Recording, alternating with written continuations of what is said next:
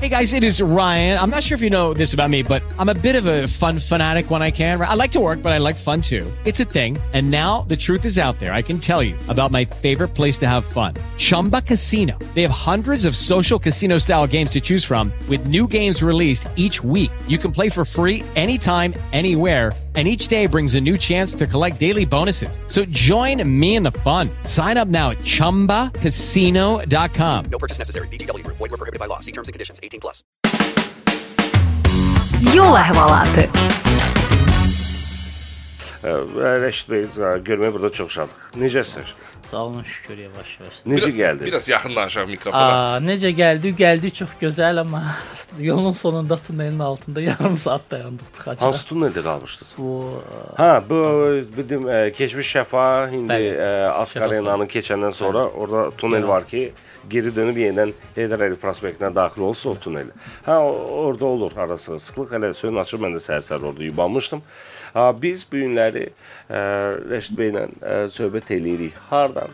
ABŞ-dan ABŞ-yə gedirik. ABŞ, Almaniya, Kenya mənim üçün maraqlıdır. Oyda. Macarıstan heç çox eşitmişik. Bir dəqiqə, bir dəqiqə. ABŞ Almaniyanı da saxlayaq. Kenya dedim mənə də maraqlı gəldi. Kenyada nə işiniz var idi?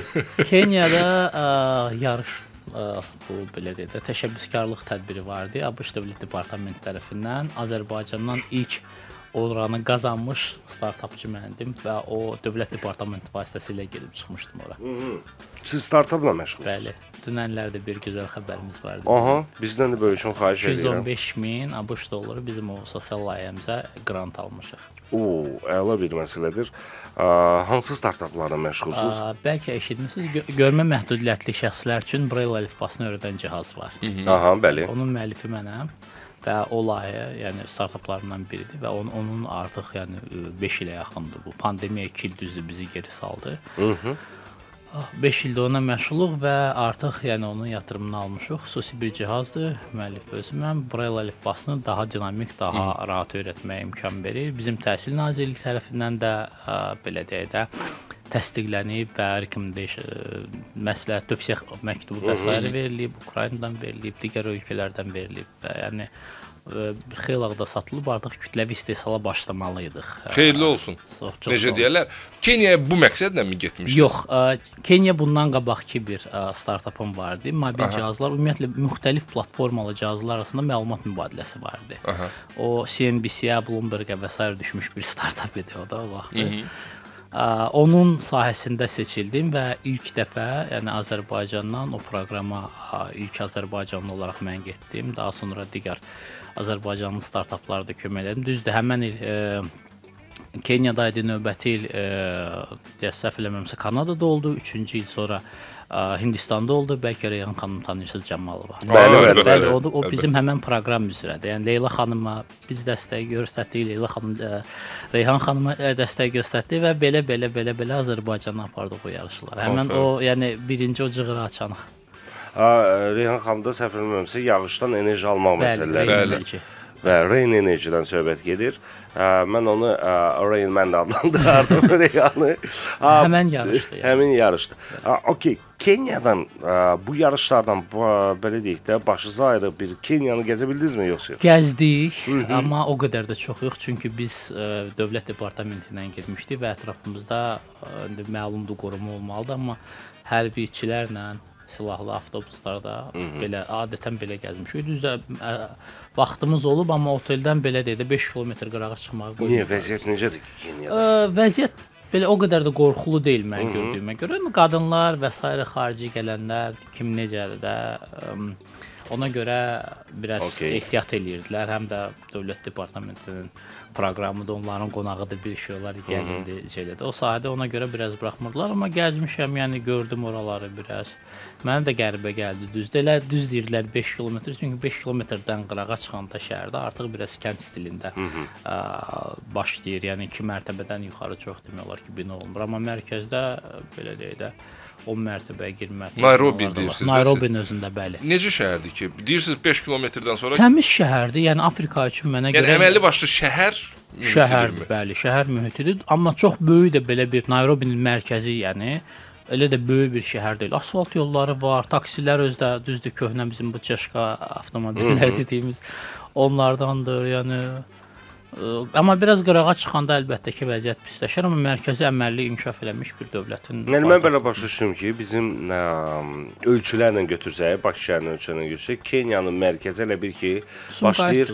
Cavanşir körpüsündə qutarı Azneft dairəsində. Yəni elə bir bə- bu, bu qədər də mərkəzi var. No, o qədər də laf axırda balaca deyil. Laf kiçikdir Yəni bu dairə. də, yəni Bəlkə bizim də bir səfərimiz oldu. Amma gözdən salırsan. Ekvatorun üstündə düz ekvatorun olunca. O düz deyir. O məsələ var. Bəs ə, ümumiyyətlə orada yerli əhali ilə danışa bildinizmi? Yəni ünsiyyət oldu mu? Ünsiyyət elə də çox yox, biraz biz indi o tədbir günü sərgilər və s. olurdu orada yerli a, belə deyək də startapçılar, biznes adamları və s. gəlirdilər, nəsə satır, kimsə nəsə eləyir. Onlarla danışırdıq, normal münasibət var. Mənə qəribə gəldi ki, bir yəni mərkəzdən qırağa çıxanda düzdür o qədər deyildi. İngilis dilini bilirlər çoxu. Bilirlər. Amma Çində misal üçün elə deyil. Çində ingilis dilində bilən adamı tapmaq çətindir. Yəni O fakt məsələ belədir. var. Bu məsələ var. Yəni Çində də yaşadığım üçün bilirəm yəni. Çində yaşamısınız. Bəli, bəli. Ya neçə il? 6 ay. 6 ay qal yaşamısınız onlarla. A, bərabər, a, okey, indi qayıdacaq ki məsələsinə sadəcə Kenyadan 1-2 sualı vermək istəyirəm. Hə, Kenya ilə varsa bağlı buyur. məsələni yekunlaşdıraq. Yəni yekunlaşdıraq deyəndə ə, nə yeyirlər, nə içirlər, necə gəzirlər, necə ə, davranırlar. Düzdür, tam milli mə- Yəni yerli əhalinin davranışı da bizə maraqlıdır. yerli əhali maraqlıdır. Yəni ə, onların özləri biraz orada şamançılıq belə şeylər və s. var, inancılar çoxdur. Mətbəxi düzdür biz ə, kənar belə ə, bir yerli restorana da gedə bilmədik orada təəssüf, amma ə, mənə maraqlı olan misal üçün orada antilop ətidir. Biz Antilop antilopadan burger yemişəm şəxsən. Yəni. necədir dadı? Əladır. Biraz bir növ belə deyim də, ə, oxşatmaq düz deyil, amma biraz toyuq əti kimi yumşaqdır. Baxmayaraq, yəni qaçan heyvandır, amma biraz o privkusu, o o dadı verirdi. Amma yəni bildiyimiz belə də bir növ qoyun əti ilə, ə, nə bilim, qatışıqdır. Yəni belə. broiler toyuğu ilə ə, antilop əti yemişik kimi başımıza alada bilərik. Eee, bu yox, tam da yox. Sadəcə belə deyim də, biraz ətin sloylanması, o, dilimlənməsi öz-özünə o toyuq əti kimi effekt verirdi. Amma belə bildiyimiz ətdir, yəni normal ə, qoyun əti deyək, mal əti deyək formada.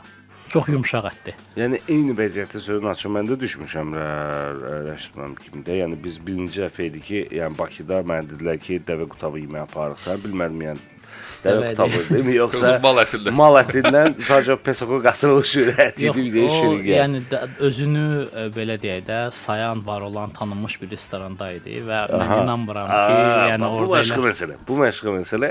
Ha, necə deyirlər, startapçıların pulu çoxdur. Ha, okey. Təşəkkürlər maraqlı söhbətə görə.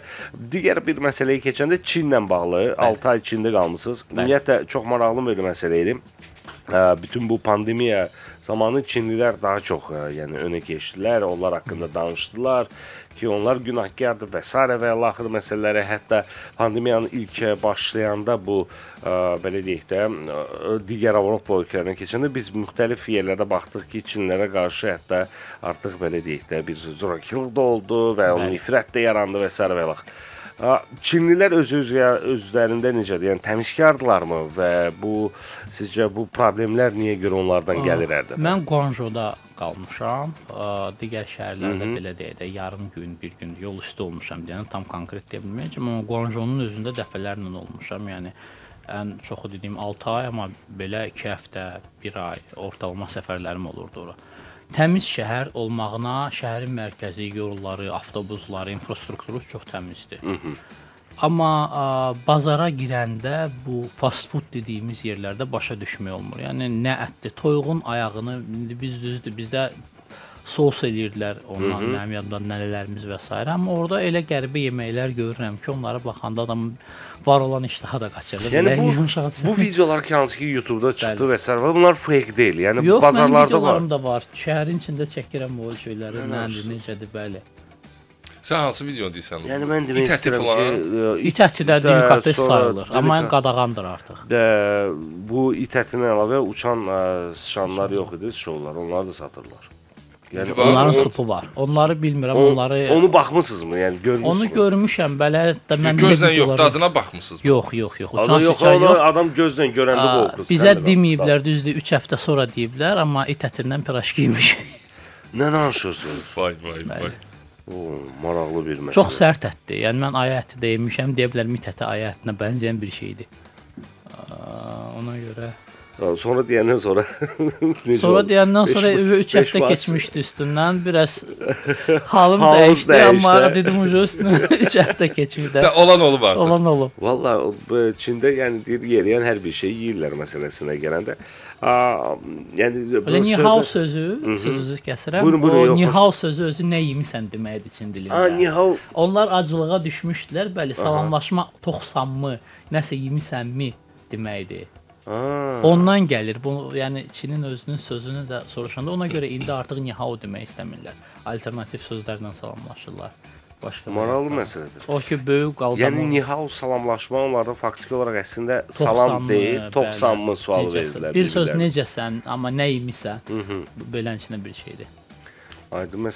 Aa, Ümumiyyətlə millət olaraq necə millətlər, bax bu barədə biz söhbət eləyəcək, e, danışacaq, amma qısa bir reklam fasiləmiz var əziz dostlar. Xatırladım ki, verilişimizin baş sponsoru ABB-dir və ABB-nin siz Miles kartlarını da əldə etməklə bax bizim qonağımız kimi müxtəlif xarici ölkələrdə tamamilə pulsuz səyahət etmə imkanınız var. Bunun üçün sadəcə olaraq ABB Miles kartını əldə edirsiniz və aprel ayının 17-sinə qədər hələm vaxt var. Siz rahatlıqla sənə özəl bölməsində qoşul düyməsinə basaraq kampaniyaya qoşulduqdan sonra ABB Miles-da 3 ay boyunca aylıq minimum 800 manatlıq mil hesablanan dövrə edirsiniz və mil sayınızı 15 min milə, yəni 240 manata ABB özü tamamlayacaq, amma ABB Miles Premium-da 3 ay boyunca isə aylıq minimum 1500 manatlıq mil hesablanan dövrə etdiyiniz halda mil sayınızı 30 min milə ABB özü tamamlayacaq. Bu da təxminən manatla götürəndə 480 manatdır. Bundan sonra siz həmin bu milləri dünyanın istənilən aviabiletini dəyişə bilərsiniz və ya otelləri rezervasiya də, yəni ə, otel ə, sifarişi belə deyək də, o hotel room deyirlər də. Yəni onları əldə edə bilərsiniz dostlar. 012 937 bu da ABB-nin nömrəsidir. Superfon proqramımızın sponsorudur. Superfonda smartfonlar endirimli və hədiyyəlidir. Telefonları endirimli qiymətə alırsınız və simsiz qulaqlıq e, qulaqlıq foni sizə hədiyyə olunur. Bir neçəsinin adını çəkim. Samsung Galaxy A22 500 yox, 469 manat 90 qəpik idi. Sonra Xiaomi Note e, 10s 650 yox, 659 manat 90 qəpik idi. Mən bir, bir ikisinin adını çəkdim, amma siz e, superfon.az saytına daxil olub daha ətraflı geniş məlumatları əldə edə bilərsiniz. Hətta sifariş eləmək imkanınız da var. Yol əhvalatı. Bu yəni gülmək nöqteyi nəzərindədirlər, yoxsa sadəcə Yox, dedilər ki, bilirsən nə yemişdi? Belə məzələnmə. Bunu Çinli dedi sizə. Yox. Çinli dedi. Dedi ki, mən bəs sizi aparmışdı da qonaqlıq. Yadımda da o dediyini bəh-bəhlə sarı o şey pilmin fason bir şey piraşki deyək də belə deyək.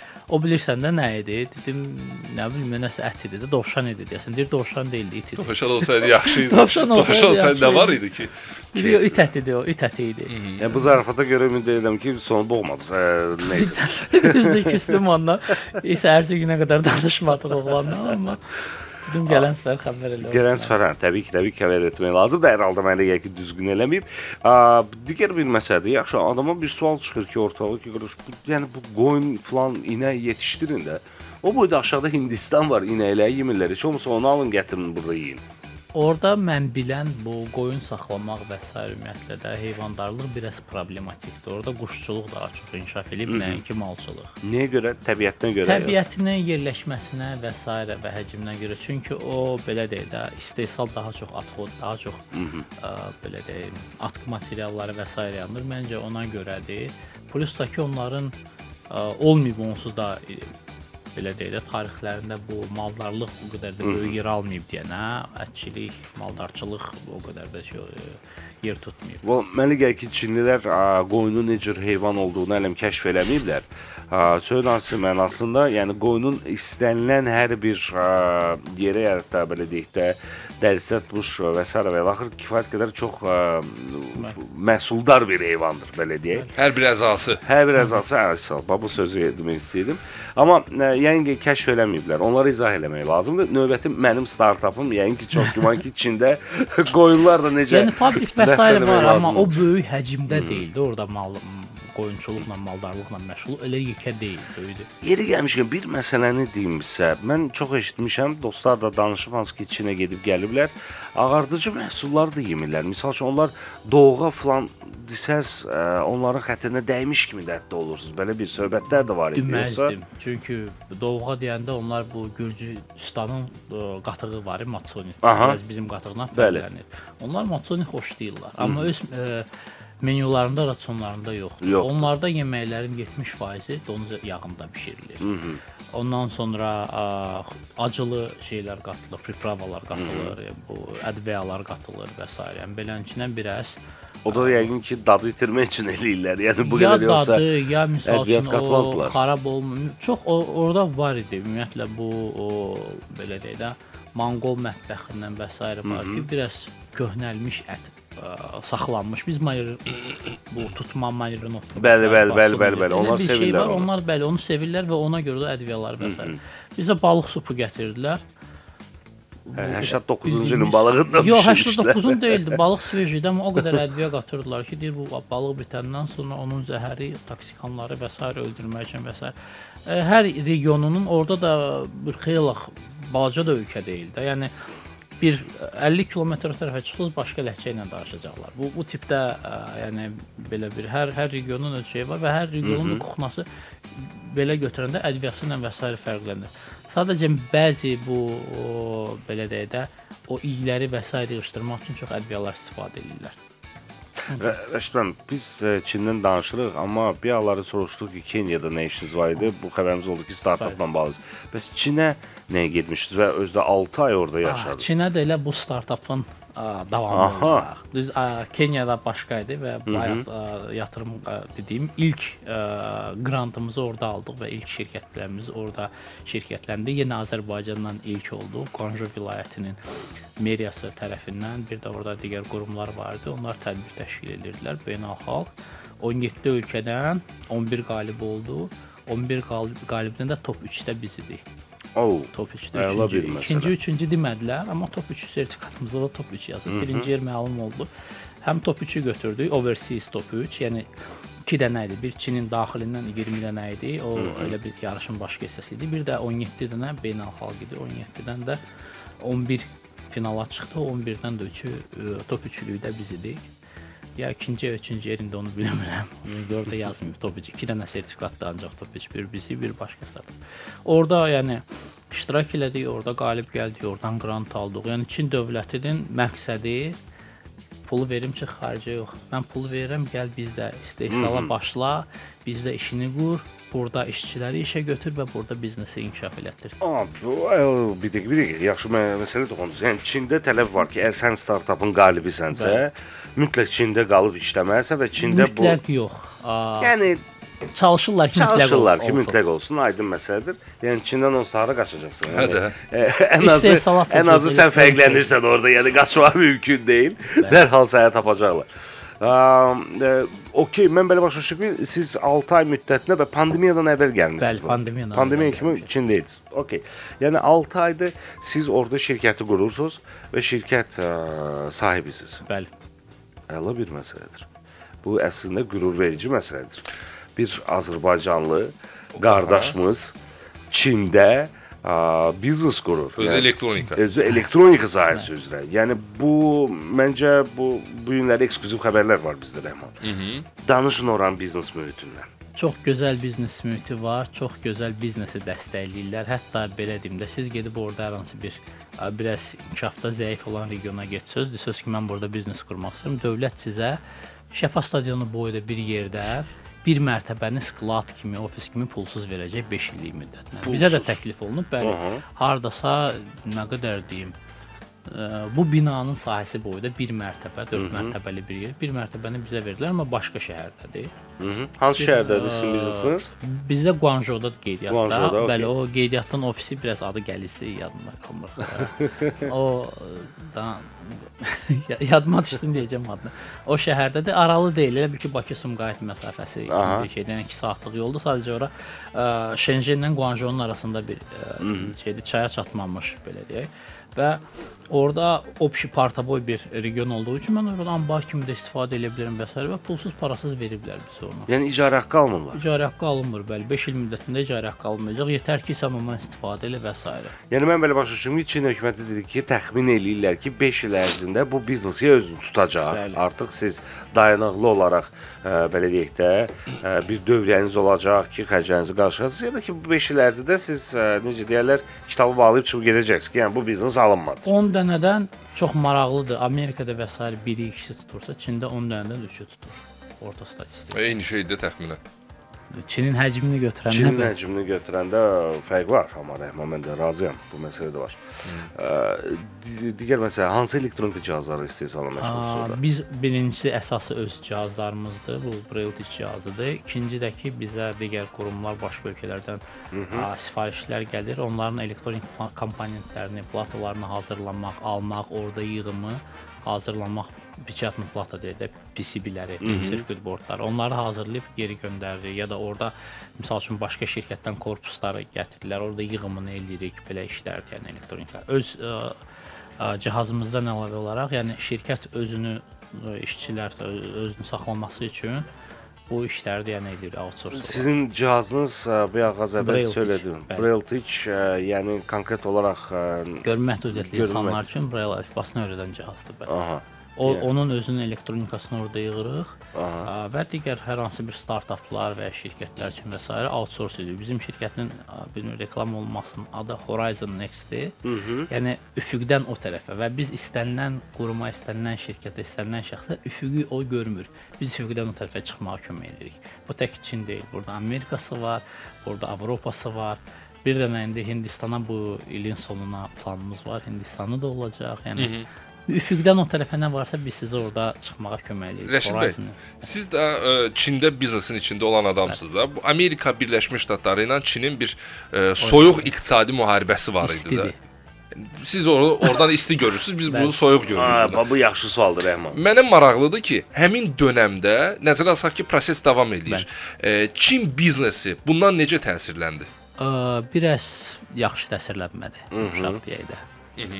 Yəni ə, böyük şirkətlərə təsir eləyir, kiçik şirkətlərə o qədər də təsir eləmir çünki kiçik, şirkətlər ya daxili hər hansı bir böyük şirkətlərə komponent və s. amma biznes yavaşladı, bir xeyli yavaşladı orada. Sizə təsir elədi bu? Ə, biz təzə başlayırdıq, bizə o qədər də təsir eləməmişdi. Amma, amma digər ə, misal üçün bir tanışım var ki, sırf elektron ə, mikrosxemlərin belə deyək də yoxlanılması və sairəsilə məşğuldur. Onlara xeyli təsir edirdi, çünki onların müştəriləri Amerikadan idi və orada getmə, gəlmə, gömrük rüsumları və s. bunlar artdı. O da məcbur oldu buradan o avtomatik olaraq müştərisi də o tərəfdən də qiymət qalxır, bu tərəfdən də qiymət qalxır. Amma Çinin yenə də maraqlı politikası var. Məsəl üçün bizim özümüzdə də var. Əgər biz nəyisə eksport eləyiriksə Çin daxilindən və onun kopyalarını göstərə bilirik yəni, belə deyək də qəbzlərini, çeklərini ki, biz bunu almışıq və s. biz eksportda 5% geri Azərbaycanda da o var. 5% eksportda geri pul götürür. 5% də yol xərcini dövlət o qalxandan sonra orada qaytarır. Yəni tutaq belə deyək də 10% ə, geri qaytarılır xərclədiyimiz məbləğ. Yəni mal 100 manatlıq mal gəlirsə, bunun 5 manatını bizə qaytaracaq. Ondan sonra 10 manat yol pulumuzdursa, misal üçün onun 50 qəpik nə qədərsə düşür, eləncə geri qaytaracaq. Qaytarır. Biznesin inkişafına maksimal dəstək olmağa çalışır. Baxmayaraq ki, psevdo kommunist dövləti sayılır da, Çin Xalq Respublikası deyilir, amma biznesə çox gözəl. İşçiləriniz kim idi bəs? Azərbaycanlılar yoxsa ə, Yox, Çinlilər? mənim o qədər də çox işçim yoxdur. 2 dənə işçim var orada. Biri Qazaxstan vətəndaşıdır. Orada Çində oxuyub Çində qalıb. Belə orada biz tanış olmuşduq. Ondan başqa əvvəlki səfərimizdə bir də Çinlidir, yerli vətəndaşdır. O da hüquqi, biznes və sair məsələlərində daha çox məşğuldur. Aa, bir Digəri Çində hər şey outsource-dur. Hə, digər məsələlər hamısı outsource-dadır sizdə. Bəli, bəli. Yəni fabrikdir, bizim özümüzün düz anbarımız və sairəmiz. Bu şirkətə deyir platalar gəlsin, platalar alır. Bu şirkətə deyir elektron komponentləri 5 A şirkətinə 5 şirkəti gəlir yığılıb verir C şirkətinə. Çünki A özü nəyisə baha eləyir, B özü hansı başqa komponenti baha eləyir. C özü də hamısını eləyəndə yenə baha başa gəlir. O optimal ə, hissələri tapmışıq və beləçinə, yəni ortalama götürəndə bir 20% qənaət eləyiriksə, son materialda bu özü bizim özümüzə artıq bir 15% ə, xeyir deməkdir. 5%-ində o vergisi və s. çıxılır. Yəni 20% qənaətdə 15% biz xeyir eləyirik. Və biz də xeyir eləyiriksə, demək bizim müştəri də qənaət eləyir avtomatik olaraq. Ona görə sərf eləyir və cinə outsource-larla məşğul olmur. Çində insan əməyinə necə qiymət verilir? Bax bu maraqlı bir Artıq məsələdir. bahadır. Artıq bahadır. Biz bir mühasib lazım idi bizə götürmək. 2000 dollar maaş istədi. Guangzhou'nun özündə yerlərdən əvvəl o deyirdilər bir ə, kasa, düyüyə işləyirlər. Bəli. O, o söhbət artıq yoxdur. Son Yoxdur artıq. Yoxdur bəli. 5 il qabağa qədər bir kasa düyü işləyən. Yox, işləyirdi. beş il Yəni bu təbii bəllidir də, sö- Yəni söz tam olaraq 5 il yox, ə, amma əvvəllər bəli çox ucuz idi əmək. Amerika ora o, o məqsədlə yəni Çin- Çinin inkişafında Amerikanın böyük rolu oldu, fabriklərin açılmasında, istehsalatda və s. Amma tək ə, insan əməyi deyil də Çin dünyanın faydalı qazıntılarının bu o az tapılan hissələrinin 70%-i Çinin torpaqlarındadır. Dünyanın faydalı qazıntılarının 70%-i. İki böyük kontinent, bir Afrikadadır, bir Çindədir. Afrikadakı məlumdur keyfiyyət və s. məsələsində. Amma Çində o istehsalatda və s. məsələlər gözlənilir. Fabriklər var, əlbəttə mən müxtəlif partnyorlarla, müxtəlif qurumlarla görüşmüşəm. Elə yer var ki, bina baxırsınız sırrız, bəy, bəzi yerlərdə pəncərə zad da yoxdur. Amma elə fabrik var ki, girəndə belə biz kombinezon geydik. Bu xüsusi qapıdan keçdik ki, o, ionizasiya zadı yığışdırsın. Yəni çox qəribədir də. Yəni çox xırda biznesdə inkişaf eləyir, çox bahalı biznesdə inkişaf eləyir. Belə bir ə, konglomeratdır aralarında və bir-birlərini də dəstək tuturlar. Mən şirkətə bir-birlərinə kömək eləyirlər inkişaf Kömək üçün. eləyirlər, bəli, inkişaf üçün. Yol əhvalatı. Çində bəs vergilər necə tənzimlənir? Bax yeri gəlmiş, vergi sistemi onlarda necə qurulur? Vergi ə, belə deyək də, bütün ölkələrdəki kimi Yüksəkdir hər vergilər. yox, yüksək deyil, amma hər variant var. Hı -hı. Biz qanun, qayda ilə, qanunla və s. işləyirik. Maraqlı bir şeydir ki, biz mən onu bilmirdim, amma biz vergi ödəyirik. Elə ay olur ki, məsəl üçün işimiz adımız olmur. Bizdə Vergi orada ödəmirsiniz. salary based vergi ödəmir, amma biz ödədiyimiz vergi üzərinə sonda baxıram, banka hesabında bizə depozitə faiz gəlir. Yəni biz ödədiyimiz vergiyə görə mən o Yaxşı bu, bu məsələdir. il bildim. Yəni bu il deyəndə bir iki ay bundan qabaq çünki mən baxıram bu bizdə balansda bu yoxdur. Da sonra dəqiqləşdirdim ki, bəs bu nədir?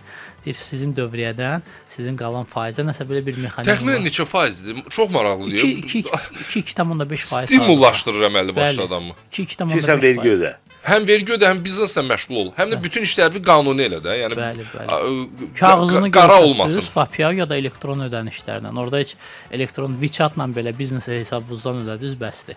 Bir, hə. Bəli, yəni heç kağız da lazım deyil. WeChat-dan WeChat-a getdi, biznes akkauntdan. Vəsə. Kağız kağız alın, Fapia alın, verin vergidə vapşo xərclərinizə salın, sildirin. Maraqlı məsələdir. Bəli. Aa, Fapia o çek də Aha, yəni. bəli, bəli. Ə, digər ə, bir ə, məsələyə baxanda, yəni biz ə, Çində danışıq, ə, Çində biznes rəqabət mühiti necədir? O, rəqabət çoxdur.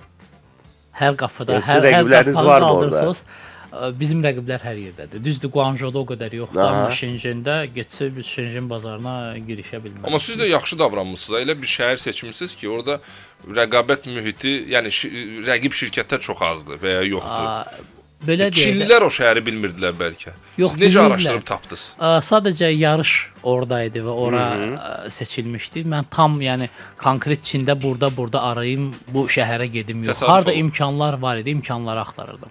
Hansı şəhər hansısa bir imkan verir, proqram verir və s. və o imkana doğru getmişəm. Yəni mən durum ki, burada ucuzdur, burada bahadır, mən bura getməyim, bura gedim. Yox, mən bura getsəm də mən hər hansı bir özüm yatırım eləməliyəm ya da nəsə xərc çəkməliyəm. Amma burada dövlət deyir, hər hansı bir proqram da deyir ki, gəlməzsən yol xərci verəməzsən, qalmağı qarşılayıram.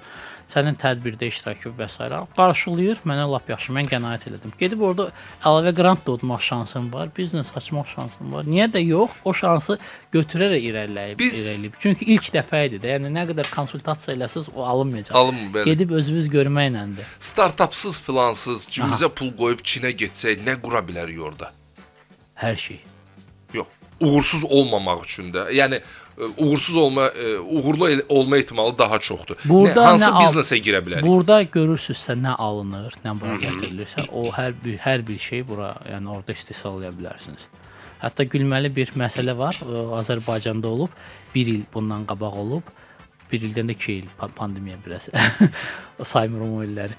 Ə, demək, ə, avtomobillərin mühərriklərinin ə, balışları var da belə deyək, paduşkalar. Hansılar ki, mühərriki əsmədən qoruyur. Onu götürüblər burdan işlənmişini, göndəriblər Çinə. O Azərbaycanda bir çox sayda olan adamlar bilirlər. Onu necə var Çinlilər birəbir eyni ölçüdə eyni formada kopyalayıblar. Bəli, o artıq yatıb, sıxılıb, əzilib, normal düzeyib. 10 min ədəd göndəriblər abratına Azərbaycana geri. Alan burada gətirən bu nədir? Nə nədir? Biznesi düzəldən orada elədir. Necədir söz necə çəksəz, necə görsətsəz elə də eləyəcəklər. Onlar axı bunu necə Baba edirlər? onu demək istəyirəm. Bax, Necə bunu? yəqin çox ki bak. Çin vaxtdan yaxşı copy paste düyməsini basmağı öyrəndi. Çin nə vaxtdan Çin Amerika ora avadanlıqlar texnologiya gətirəndən indiyə qədər də bütün texnologiyalar yoxdur. Baxmayaraq məsəl üçün elə şeylər var ki, onların hüquqları 5 nanometrdən aşağı texnologiyalar və s. yenə də lisenziya, avadanlıqlar, linzalar və s. Amerikada da Amerikanın əlindədir. Çin istəsə belə Amerika onu verməsə, onu orada eləyə bilmir. Aha. Yəni bu mikroçiplər, elektronik komponentlər və s. bu üstünlükləri Amerika öz əlində saxlayır və Amerika Çin nə qədər kopyalayır, kopyalasın. Kopyalamaq asandır. Böyük Aha. Çinin böyük bir problemi özünün düş, özünün düşünüb özünün sıfırdan nəyisə yaratmasıdır. Bu Aha. Çində böyük bir problemdir. Yəni yoxdur. düşüncə Okey. yox deyəndə çox azdır. Çox azdır. Amma- Okey. Ə, misal üçün ABŞ-ın özünü götürəndə ABŞ-da daha çox nəsə bu texnologiya Sıfırdan yarada bilirlər. Kopya hə, ABŞ sıfırdan yarada bilir. Çin isə necə verdiz elə də kopyalayır. Çin bu dəqiqə böyük əksər hissəsi 80%, 80% bizneslər, startaplar, unicornlar kopyalanmadı. WeChat-ından tutmuş WeChat WhatsApp-ın kopyası Bəli. Ondan sonra nə nə istəyirsinizsə deyəndə orada çoxdur pro proqramlar, sistemlər. Faktiki olaraq ə, TikTok da YouTube-dan Instagramın birləşməsidir. TikTok sadəcə müəyyən bir araşdırma eləyib və o araşdırma nəticəsində dediyim kimi ə, dediyim 70-80% kopyalayırlarsa bir 20% fikirləşirlər nəsə. O 20%-də də olub ki, video sadəcə dalbadal getsin, Aha. proliferasiya olsun. Və o da bir accident ə, belə deyək də planlaşdırılmamış bir ə, test nəticəsində olub. Yəni araşdırmada istəyiblər ki, bunlar hər hansı bir next düyməsi qoysunlar. Düymə yaddan çıxıb sadəcə. Ondan sonra ə, video bitəndən sonra o birisinin başlaması "A, belə də yaxşıdır. Niyə də yox? Niyə əlavə action olsun? Elə elə də eləyiblər.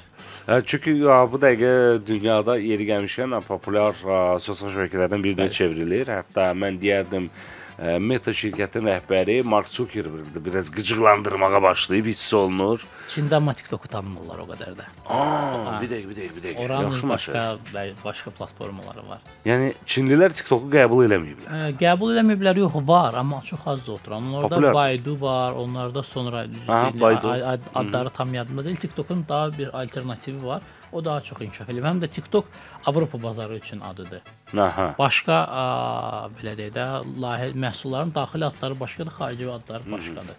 Ant nəminəsə bizə bir tərəf. Mən belə başa düşürəm ki, TikTokun bütün serverləri falan hamısı Çində yerləşir, yox? E, yox, qaçışıqdır. Qaçışıq. ABŞ-da da var onların ofisi, e, Avropada da səhv eləmirəmsə serverləri vardı. Çinin özündə də var. Başlayanda əlbəttə Çindəki serverdən Alibabanın səhv eləmirəmsə hostinqində idi. Sonradan a, digər ölkələrdə keçəndə məlumat təhlükəsizliyi və s. tələb elirdi ki, ora keçsin.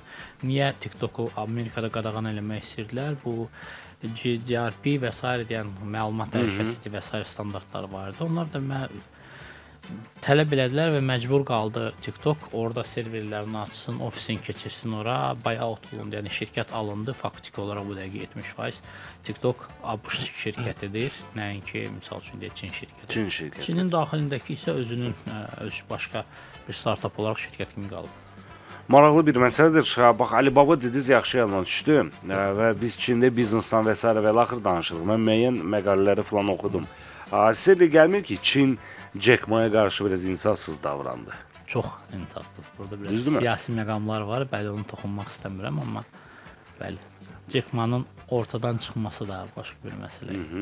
Hə, çünki ə, mən düşünürəm ki, ə, bu bir növ ə, biz bizneslə məşğul olan, ora investisiya yatıran insanlara da bir növ belə deyək də bir pauza verdi və düşünməyə başladılar artıq. Yoxsa yox. Elə deyil. Sadəcə hər bir ölkədə olduğu üçün bu normadır. Siz müəyyən bir həddə gəlib çatandan sonra artıq siz dövlət marağına çevrilirsiniz. Bəli. Və sizin xərcləriniz, sizin büdcəyə verdiyiniz vergi və s. və dövlət iki tərəfli maraqlı olur. Bir marağı olur ki, bu vergilər və s. daim gəlsin, bu stabil olsun. Digər marağı da bunu sizin əlinizdən kontrolünü dövlətlərdən heç kim almasın, başqa yerə getməsin. Ki getsə, böyük ehtimal o vergilər və s. də çıxıb başqa yerlərə gedəcək. Yəni burada dediyim kimi iqtisadi siyasi məqamlar var. Biraz belə deyək də, Vostok Delo Tonka məsələsi kimi orada şərq sayılır da bir növ. Və o incəlik, incə məsələlər var da. Müəyyən maraqlara, Jack Ma da artıq məbləğləri də böyütdü, biznesi də böyütdü. O o maraqlara gələndən sonra o o pressinqə, o nəzarətlərə dözə bilmədiyi üçün mən ayrılıram da. Mən yığmışam yetərin qədər. Çində 1 milyon dollarla siz adam kimi 20 ildə yaşaya bilərsiniz. Yəni rahat məktəbi ilə və s. və axırı. Yəni onu bir biznesə buraxıb Ma özü də deyir. Mən ömrümün axırına qədər bəs eləyir. Elə bir söz də var.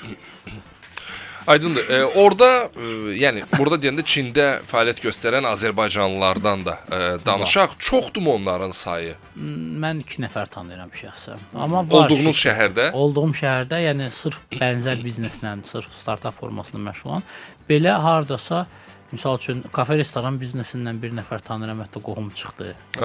Təsadüfən, hə? Təsadüfən. Sonra daşınma şirkətləri var, Azərbaycanlı, e, böyük, yəni şəhərə görə, regiona görə yetərin qədər həcmi, ölçüsü olan şirkətdir. Ondan sonra daxili daşımalar, yerüstü daşımalar var ki, bu bildiyimiz Volt və s. bu qida daşımaları şirkətləri də, yəni var müxtəlif ə, tipli startap konsultasiya var. Ə, Çində bir dənə böyük ə, tərcümə mərkəzi var. Şəhərin adı yadımda deyil. Əsas qoyan Azərbaycanlıdır, amma MDB ölkələri üçün yəni işləyirlər belə. Xeyli sayda var. Mən yəni həm bizim şəhərdə 2 nəfər tanıyıram şəxsən. Bəli, Sual. Cavit. Sual deyəndə Mənim o qədər sualım var Mənim ki, də valla sualım yəni. çoxdur, amma ə, mən bildiyimə görə Rəşid bəy 3 gün yoxsa 4 gün bundan qabaq ə, mədəniyyət paytaxtımız Şuşada olub. Bəli. Ə, harada gedirsə Rəşid bəy belə başa düşdüm ki, orada bir biznes fikirləşir. Və Burada bu startap eləmək olar, burada bu startap eləmək olar. Məsəl üçün Şuşaya getdiniz, gəzdiniz, gördünüz hər yerini. Nə gəldi ağlınıza? Orada nə etmək olar? Şuşada regionu nəzərə alaraq logistik mərkəz ola bilər. Şuşa, ondan sonra Xankəndi, Ağdam bu üç istiqamət və orada logistika biznesini çox yaxşı qurmaq olar. Füzuli hava limanı bu tərəfdədir, Ağdam hava limanı o tərəfdə olacaq. Yəni bunların arasında regional olaraq dəmir yol xəttləri olacaq. Ən primitiv bizneslərdən biri. Digərlərinə gəldikdə orada misal üçün qızıl biznesi, bu mining məsələləridir. Ondan sonra a, orada istehsalat açmaq olar. Çox böyük düzənli yerlər də var. Şuşa ərazisində, Şuşaya Şuşanın yox. Şuşanın yaxınlığında. Siz işğaldan Şuşa azad edilmiş əraziləri Bəli, ərazilərdə. Şuşa özü balaca bir şəhərdir də. Yəni bu başından girib o başından çıxmağa ə, nə bilim 1-2 saat bəs eləyər də belə deyək. Biz 4 saata gəzdik Şuşanı. Yəni orada dayanmaqla, ekskursiyalarla və s. Amma ə, Şuşada çox, yəni özündə ə, bu şəhəri əgər sırf götürsək, tradision ə, hər hansı bir əl işləri ə, Bəli, ənənəvi. bu ənənəvi bir e, biznesləri qurmaq üçün uyğun yerdir. Çünki adı üstündədir, tarixi qi- qiyməti üstündədir.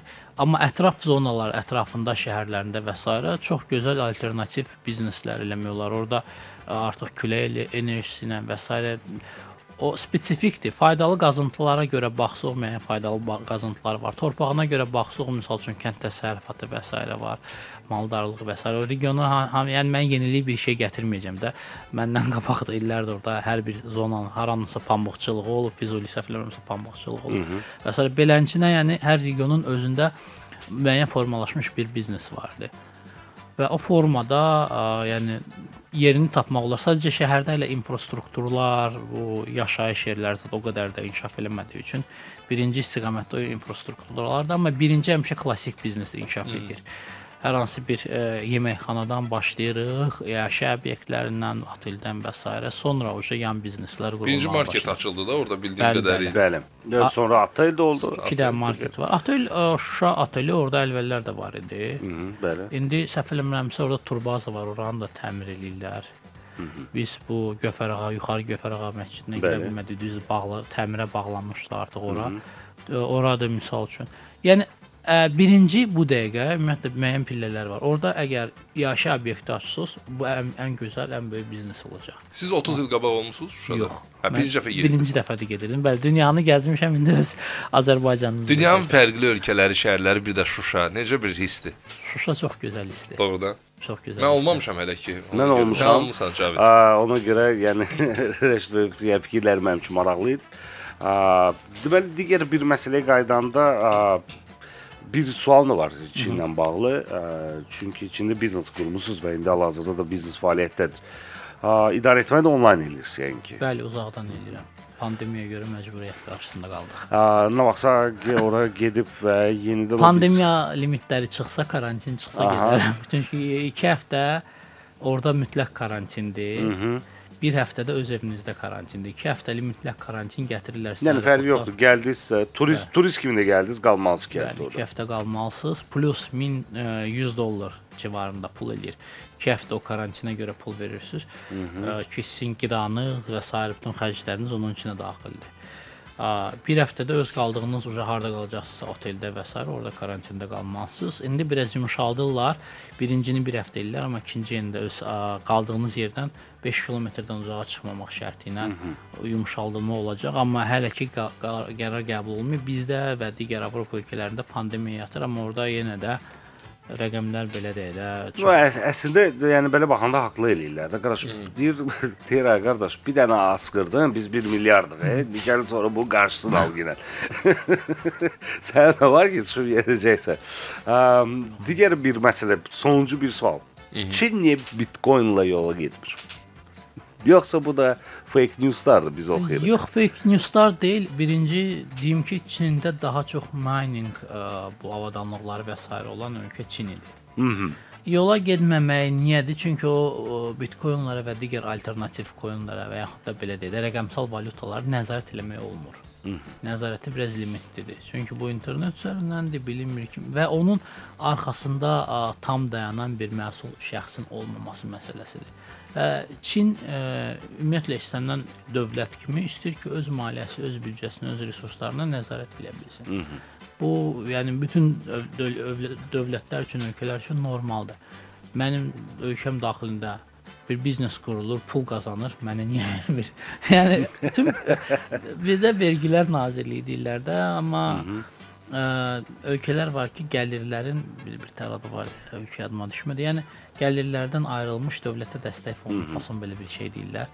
Ə, yəni əgər mən bu pulu qazanıramsa burada və mən burada yaşayıramsa və mənim təhlükəsizliyimi dövlət təmin eləyirsə, mənim hər hansı bir başqa bir sosial ə, işlərimi dövlət təmin edir və o dövlət onu təmin eləmək üçün bu bütün ölkələrə aiddir. Bəli. Kimsə onu ödənişini eləməlidir. Mən qazanım, sən məni saxla düz deyil axı. Ona görə gətir Bəli. vergini ver. Gördün bu prinsip nə? Şimdi o prinsipdir. Yəni məntiqi odur ki, yəni sən qazanırsan, mənim elektrik enerjimdən istifadə etsən, mənim resurslarım gedir. Oradan çıxan hər hansı bir zərər də mənə dəyər. Niyə mənə şey eləmirsən? Və bu İmna hələ bu bu məsələyə görə də ABŞ-da ona qarşıdır. Baxmayaraq biznes olaraq dəymirlər, amma yenə də ə, rəqəmsal valyutaların nəzarəti haqqında qanun ə, qüvvəyə minməlidir. Oxunuşları ke keçir ə, Kapitolda. Yəni o onlar da məncə sentyabra qədər nəsə fikirləşəcəklər. Bu qeyri-tradisional valyutaları bildiyimiz sadəcə rəqəmsal ödəniş vasitələri kimi limitləyəcəklər. Amma buna baxmayaraq Çinin özünün rəqəmsal pulları var. Bitcoin, Bitcoin deyil, amma Çin özü rəqəmsal Öz, ödənişlərdən özləri də nömrə rəqəm. birdir, bəli. Kriptovalyuta var, yəni belə. deyək. Kripto yuan fason bir şeydir. Bəli, mən istifadə eləmək çünki təzədir mən elə istifadə eləyirəm. Onlarda var. e, mən bilən e, Yuanın elektron versiyası var Bəli, da. bəli. Yəni bunu bunu e, həyata keçirdilər. Söz söhbət var idi bir neçə il bundan qabaq, amma e, bir neçə ay qabaqsa bunu konkret olaraq Qüvvəyə ictimaiyyətə bəli. təqdim elədilər. fevral ayında idi səhv eləmirəmsə. Ondan sonra bütün dünyada belə bir tendensiya yayıldı ki, ay gəlin biz də öz e, Əslində o yenilik deyil. Məncə də app, appdən necə istifadə edir, mobil Bəli. appdən. O sadəcə balans yaradır. Sizdən fiziki kağız pulu alır ya da hər hansı bir başqa dəyər kəsb edən vəsait alır, konvertasiya edir, qoyur balansınıza, siz də onu xərcləyirsiniz. Bir dənə ə, məsəl var ki, bu rəqəmsal valyutaları yaratmaq üçün, balansı artırmaq üçün daha hər hansı bir fiziki kağız çap eləmək, qəpi ə, buraxmaq və s. lazım deyil. Bu elektron olaraq bir dənə tokenini qeydiyyatdan keçirtdi, onun quyruğuna qoydu və plusu odur ki, qeyri-nağd pulların dövriyyəsini daha yaxşı ə, nəzarət edəcək. Hamı deyir ki, belə də də anonymizing orada anonimlik qorunur və s. əslində heç Bitcoin özündə qorunmur. Müəyyən sənədlər verməsə, sizin kimliyiniz ə, məlum olmasa, siz onu ə, yəni aça bilməyəcəksiniz hesabınızı. Mən ə, ümumiyyətlə kriptovalyutalar haqqında ə, dinləyicilər bir şey məsələ tövsiyə edirdim. Netflix yeni bir film çəkib, sənədli filmdir. Ə, bu heç kimə inanma, adı Azərbaycanda tərcümə etsək ə, və kripto ə, kripto krala ə, qarşı ə, o- Facebookda paylaşmışdı. ovlamaq. Yəni belə bir şey var. Ə, ovçu, daha doğrusu kripto ovçu daha Krala doğrusu. qarşı hücum. Bəli, bəli, bəli. Ə, kripto krala qarşı hücum. Ə, heç kimə inanma. Ə, sənədli filmdir, baxa bilərsiniz. Həqiqətən də ə, Rəşid ə, müəllimin dediyi məsələlər də orada var. Ə, və ümumiyyətlə Rəşid müəllim biz sizə çox təşəkkür edirik. Çox Nə maraqlı insansınız. olsun ki, çox təəssüflər olsun ki, proqramımızın ə, vaxtından çox az qalıb, yəni artıq bitirməliyik çünki reklamlar blokumuz da var. Mən tək tövsiyə edərdim və xahiş eləyərdim ki, ə, biz növbətdə də sizdən görüşək çünki ə, sizinlə söhbət daha maraqlıdır. Gəl hələ. Gəl hətta vaxt alaq 2 həftə sonra. Bəli, ən azından. Olar. Yol əhvalatı. Hey guys, it is Ryan. I'm not sure if you know this about me, but I'm a bit of a fun fanatic when I can. I like to work, but I like fun too. It's a thing. And now the truth is out there. I can tell you about my favorite place to have fun Chumba Casino. They have hundreds of social casino style games to choose from, with new games released each week. You can play for free anytime, anywhere. And each day brings a new chance to collect daily bonuses. So join me in the fun. Sign up now at chumbacasino.com. No purchase necessary. Group. Void were prohibited by law. See terms and conditions. 18 plus.